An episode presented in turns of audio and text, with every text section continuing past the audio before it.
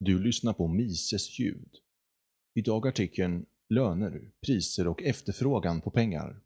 Keynes missförstod allt. Författaren Robert Blumen. Svensk översättning publicerades på mises.se 19 juni 2021. Marknader balanseras. Det var åtminstone den samlade visdomen ett halvt sekel före John Maynard Keynes. Den brittiska ekonomen presenterade en ny ekonomisk teori 1936 baserad på motsatsen. Marknader balanseras inte. Keynesiansk teori är någorlunda komplicerad och hans bok närmast ses som oläslig. Hans grundregel är att det ligger oanvända resurser i ekonomin. I Keynes värld kan marknaden finna ett pris som balanserar utbud och efterfrågan genom decentraliserade justeringar bland de flesta varor.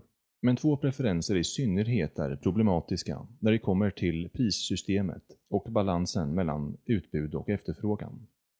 Vad som ställer till det är tidspreferens och efterfrågan på kapital. Dessa två gör att marknaden misslyckas. Den brittiska österrikaren William H. Hutt var en underskattad Keynes-kritiker.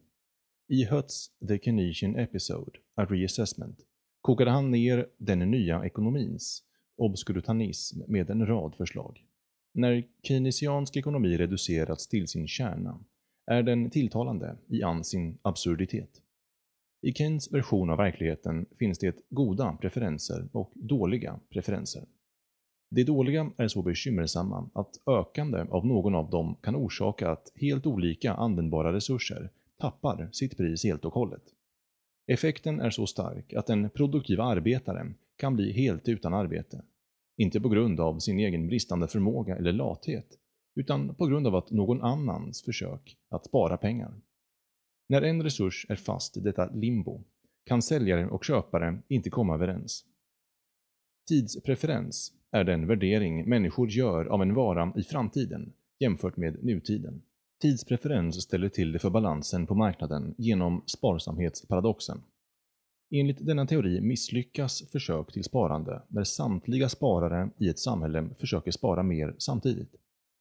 Deras försök leder inte till ökat sparande i realiteten. Det går till på följande sätt.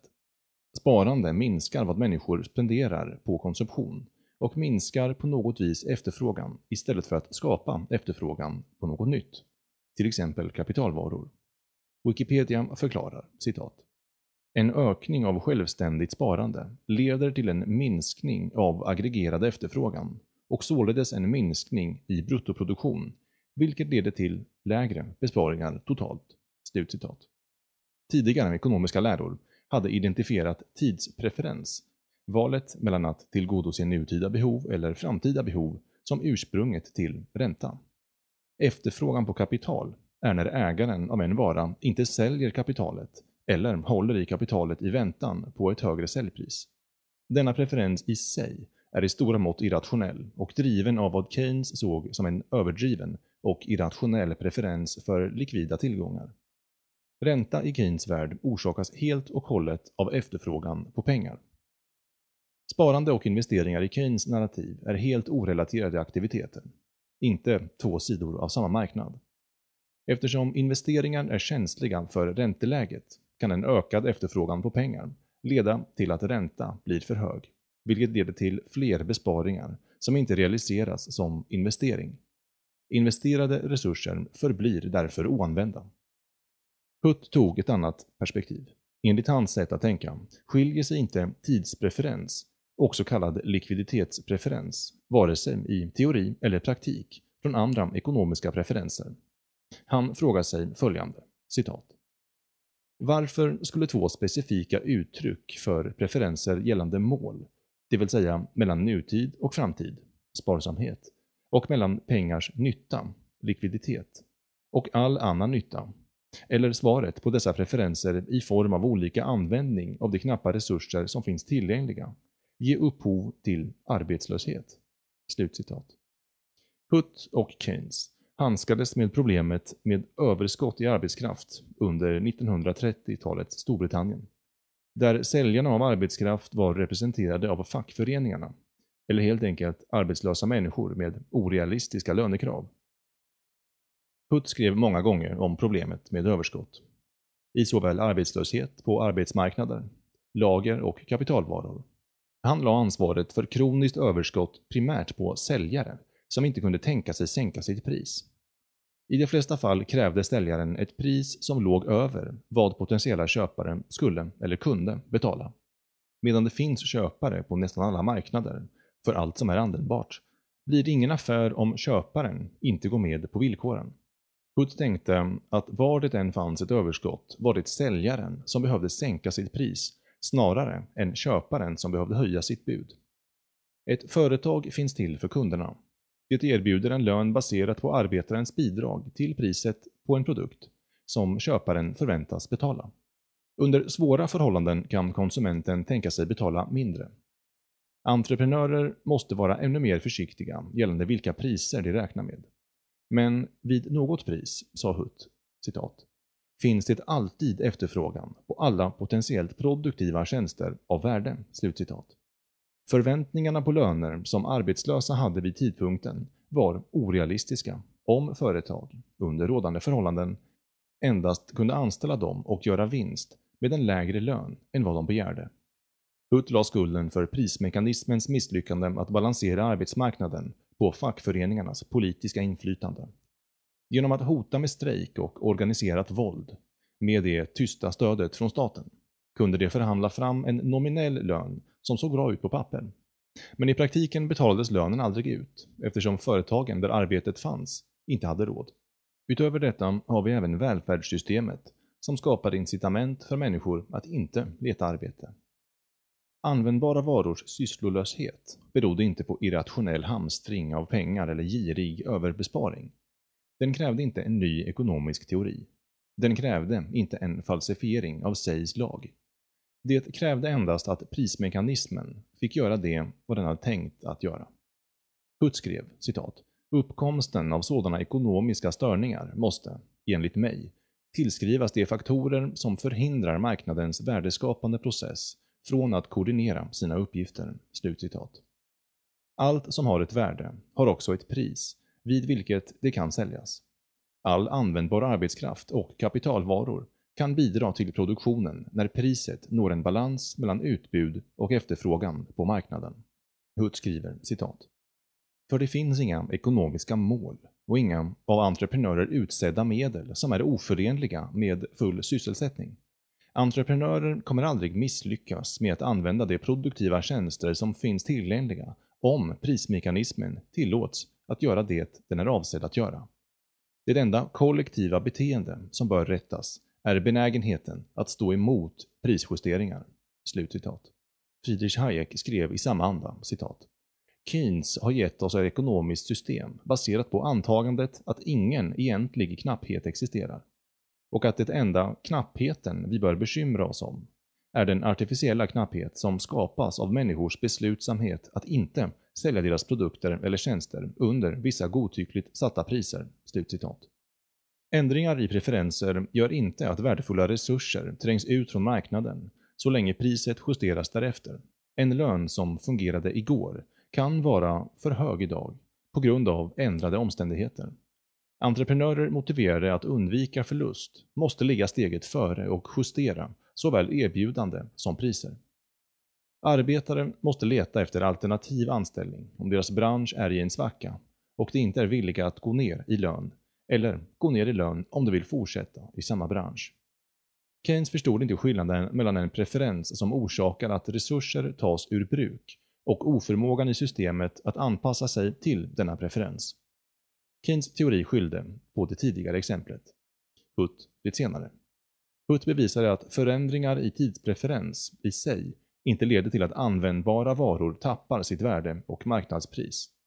Även när människor sparar mer kan användbara resurser fortfarande användas. Citat. När ett onormalt avskaffande för framtiden tilltar kommer självfallet de relativa priserna på varor med kort bäst före-datum relativt priserna på varor med långt bäst före-datum minska. Påverkan på priset sker i proportion till varans bäst före-datum, mångsidigheten i tillgångar samt arbetskraftens färdigheter. Men, som jag redan sagt, alla stora, självständiga förändringar i människors preferenser kräver långtgående korrigerande åtgärder och således stora förändringar i relativa priser.” Slutcitat.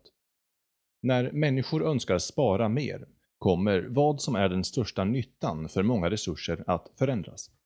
Löner kommer falla i branscher som producerar konsumentvaror, återspeglande prisfallet i den färdiga produkten.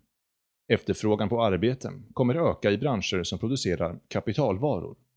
Arbetaren kan behöva byta arbete, eller till och med bransch, och anpassa sig för att nå högsta möjliga lön. Existerande lager kan behöva säljas av till lägre priser än förväntat. Ett stort antal små, eller stora, korrigerande åtgärder kommer följa. Ja, om priserna inte faller där de behöver, kommer överskottet på dessa varor att öka. Även om HUT inte fokuserar på prissättning i förhållande till brist och knapphet, eftersom priser inte ökar tillräckligt fort när det finns efterfrågan, kan brist också uppstå. Produktionen av varor går igenom flera stadier. Utmatningen av varje stadie kan helt tas upp av nästa stadie om prissättningen är korrekt. Produkten vid varje stadie kommer vara lönsam så länge priserna på inmatningar och utmatningar justeras och så länge företag anpassar vad de producerar till vad människor vill ha, istället för vad de brukade vilja ha. Hutt förklarar citat. När priser bestäms koordinerat innebär det inte bara att slutpriser sätts i förhållande till intäkter och konsumenters preferenser, utan också att priser på tjänster och produktionsvaror i alla stadier i värdekedjan sätts i förhållande till förväntningar på efterfrågan i nästa steg. Förväntade priser i nästkommande stadie är i sin tur baserade på förutsägelser i föregående stadier, inklusive den slutliga efterfrågan på produkten.” Slutcitat. Keynes förbisåg behov av dessa justeringar på grund av den överdrivna aggregeringen i hans modell. Citat. Det var delvis genom det klumpiga makroekonomiska tillvägagångssättet som Keynes kom att tro att värdefulla produktiva resurser ur bruk, han betonade arbetskraft, orsakades av andra faktorer än felaktig prissättning i flödet av varor och tjänster. Till exempel det klumpiga konceptet pris på arbete, definierat som timlön, en slags medellön för arbeten och arbetare av alla slag, behandlas som en konstant. Och när Keynes tänkte sig att pris har en avgörande roll verkade han anta att justeringar som krävs för att uppnå full sysselsättning är en likvärdig procentuell minskning av samtliga löner och för det andra att ökning eller minskning av den generella lönenivån motsvarar ökning eller minskning i det generella flödet av löneutbetalningar.” Slutcitat. Efterfrågan på pengar är det andra problembarnet i den keynesianska världen. I Hoods terminologi är detta preferensen för vad pengar erbjuder jämfört med vad andra varor erbjuder. Den investering som marknadens aktörer gör i pengar erbjuder nyttan tillgänglighet. Med detta menade Hutt att pengar lättare kan bytas mot andra varor. Att ha pengar ger ägaren valmöjligheter Människor kan välja att investera i pengar för att ha fler valmöjligheter i framtiden. Efterfrågan på pengar ökar när somliga individer värderar vissa betalningsenheter högre än vad de tidigare gjort, i förhållande till någon annan vara. Hutt identifierade också det spekulativa syftet med att investera i pengar. Vissa personer förväntar sig att priset på vissa varor kommer vara lägre i framtiden än det är för tillfället och planerar att köpa mer i framtiden än det har möjlighet att göra med nuvarande priser. Så hur är det då med efterfrågan på pengar? Är det så problematiskt som Keynes påstår? Keynes såg en ökning i efterfrågan på pengar som en minskning i aggregerad efterfrågan, för vilken prisjusteringar inte kunde kompensera. Det skulle ge upphov till systematisk förvirring mellan sparande och investeringar. Hutt förklarade Keynes ställning som citat Ibland kan människor inte komma att sluta efterfråga tjänster och deras varor som inte är pengar eftersom de efterfrågar pengars tjänster.” Slutcitat. Individer och företag förmår att anpassa sig till förändringar i både utbudet och efterfrågan på pengar enligt HUT. De som vill öka sitt innehav på kontanter kommer minska sina utgifter och försöka öka deras inkomster genom en blandning av lägre bud på saker de vill köpa och lägre priser på det de vill sälja. Om ett ungefär lika stort antal människor ökar sin efterfrågan på pengar som minskar den, sker ingen systematisk förändring. Existerande pengar byter bara händer. Vissa får mer kontanter och andra får färre. Om i stort sett alla byter preferenser gällande innehavet av pengar kan detta inte tillgodoses så länge penningmängden inte ökar. Istället kommer priser sannolikt att falla. Detta tillåter allas innehav av pengar att öka i realiteten. Med lägre priser är existerande innehav värt mer även om penningmängden förblir oförändrat. Deflation. Fallande priser är inte oberoende av ökande efterfrågan på pengar, utan ett medel genom vilket förändringen i efterfrågan uppnås. En stor förändring i efterfrågan kräver många prisjusteringar över många marknader. Liksom med förändringar i tidspreferens gäller att så länge det inte finns några institutionella barriärer för prisförändringar kommer alla produktiva tillgångar och produktiv arbetskraft fortsatt omsättas i produktion. Hutt säger citat det är fel att lägga skulden på spekulativa förändringar i efterfrågan på pengar och ännu värre självständiga förändringar i den, för de påfrestningar som stora okoordinerade förändringar i värde orsakar för en ekonomi. Att göra detta är att blanda ihop svaret på en störning med orsaken till störningen i sig.” Slutcitat. Medan preferensen för sparande och efterfrågan på pengar är de viktigaste preferenserna i en marknadsekonomi eftersom de båda påverkar nästan varje övrigt pris, menade Hutt att prismekanismen är fullt kapabel att anpassa sig till förändringar i båda. Han skrev när keynesianer lägger skulden på sparsamhet avleder det uppmärksamheten från misslyckandet att anpassa priser till förändliga preferenser. Och när de lägger skulden på hamstring, likviditetspreferens, avleder det uppmärksamheten från staters misslyckande att hantera problemet med instabila prisförhållanden. Keynes argument vilar på antagandet att priser inte kan förändras. Det finns inget annat sätt för en marknad att vara fast i ett kroniskt överskott. Prisstabilitet var aldrig väldefinierat och är ofta svårt att urskilja från det komplicerade keynesianska systemet. Keynes tillskrev förekomsten av oanvända resurser i Storbritannien till vad som Hutt kallade inbillade defekter i marknaden. Hans teori ämnade att påvisa hur förändringar i tidspreferens och efterfrågan på pengar kunde kasta omkull hela systemet och byta koordination mot kaos.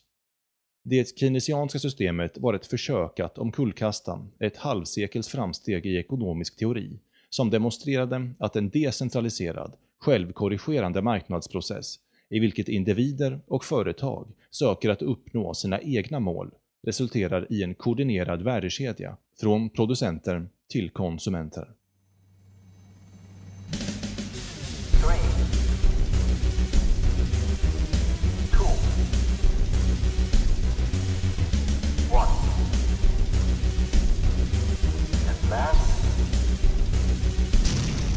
Don't put your trust in politics.